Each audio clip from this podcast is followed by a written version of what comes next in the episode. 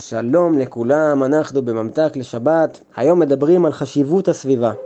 בתורה יש מושג שנקרא צרעת, שבאה לאדם כיוון שהוא חטא. היא באה לרמז לאדם שהוא צריך לתקן את דרכיו. והצרעת בין היתר יכולה להופיע על קירות ביתו של האדם. מה יעשה האדם כדי לתאר את הקיר? הוא נדרש לשבור אותו. ונשאלת השאלה, מילא האדם שעבר עבירות כאלה ואחרות צריך לשבור את קיר ביתו, אבל מה השם השכן שלו שגר צמוד אליו, שהקיר ששוברים הוא גם הקיר שלו? והמשנה עונה ומסבירה, אוי לרשע ואוי לשכנו. וזה תמוה ביותר, הרי אם השכן שלו הוא צדיק, למה שגם הוא יסבול? את התשובה נוכל להבין מדברי הרמב"ם, שמסביר שמעשה האדם ודעותיו נקבעים לפי אנשי סביבתו, ולכן עליו לדאוג לכך שאנשי סביבתו יהיו צדיקים. ואם אין לו אפשרות לעבור למקום שכזה, הוא צריך לעבור ולעזוב ולגור אפילו במדבריות ובמערות. העיקר שלא להיות בסביבת אנשים שליליים. ולכן מובן עכשיו גם למה השכן של אותו רשע נענש. כי אפילו אם הוא היה צדיק, עכשיו הוא כבר לא. כיוון שהוא גר בסמוך לרשע, בהכרח שהוא יושפע ובהכרח שהמעשים הרעים ידבקו גם בו.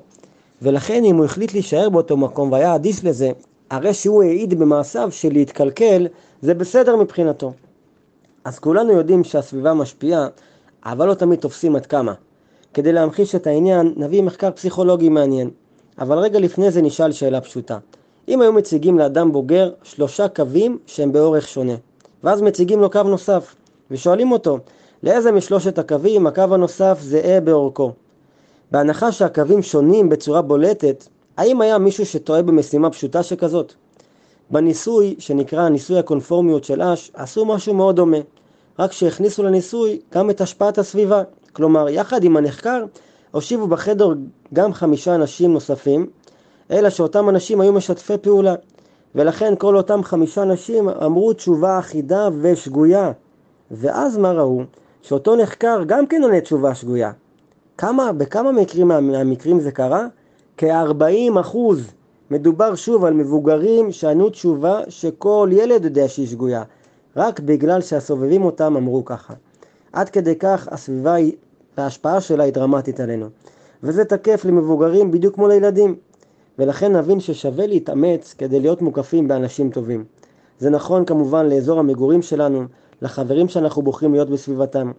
ואם יש בית ספר טוב, רק רחוק מהבית, אז כן, את צריכה לנסוע לשם כל יום מחדש, לגמרי שווה את זה למען הילדים.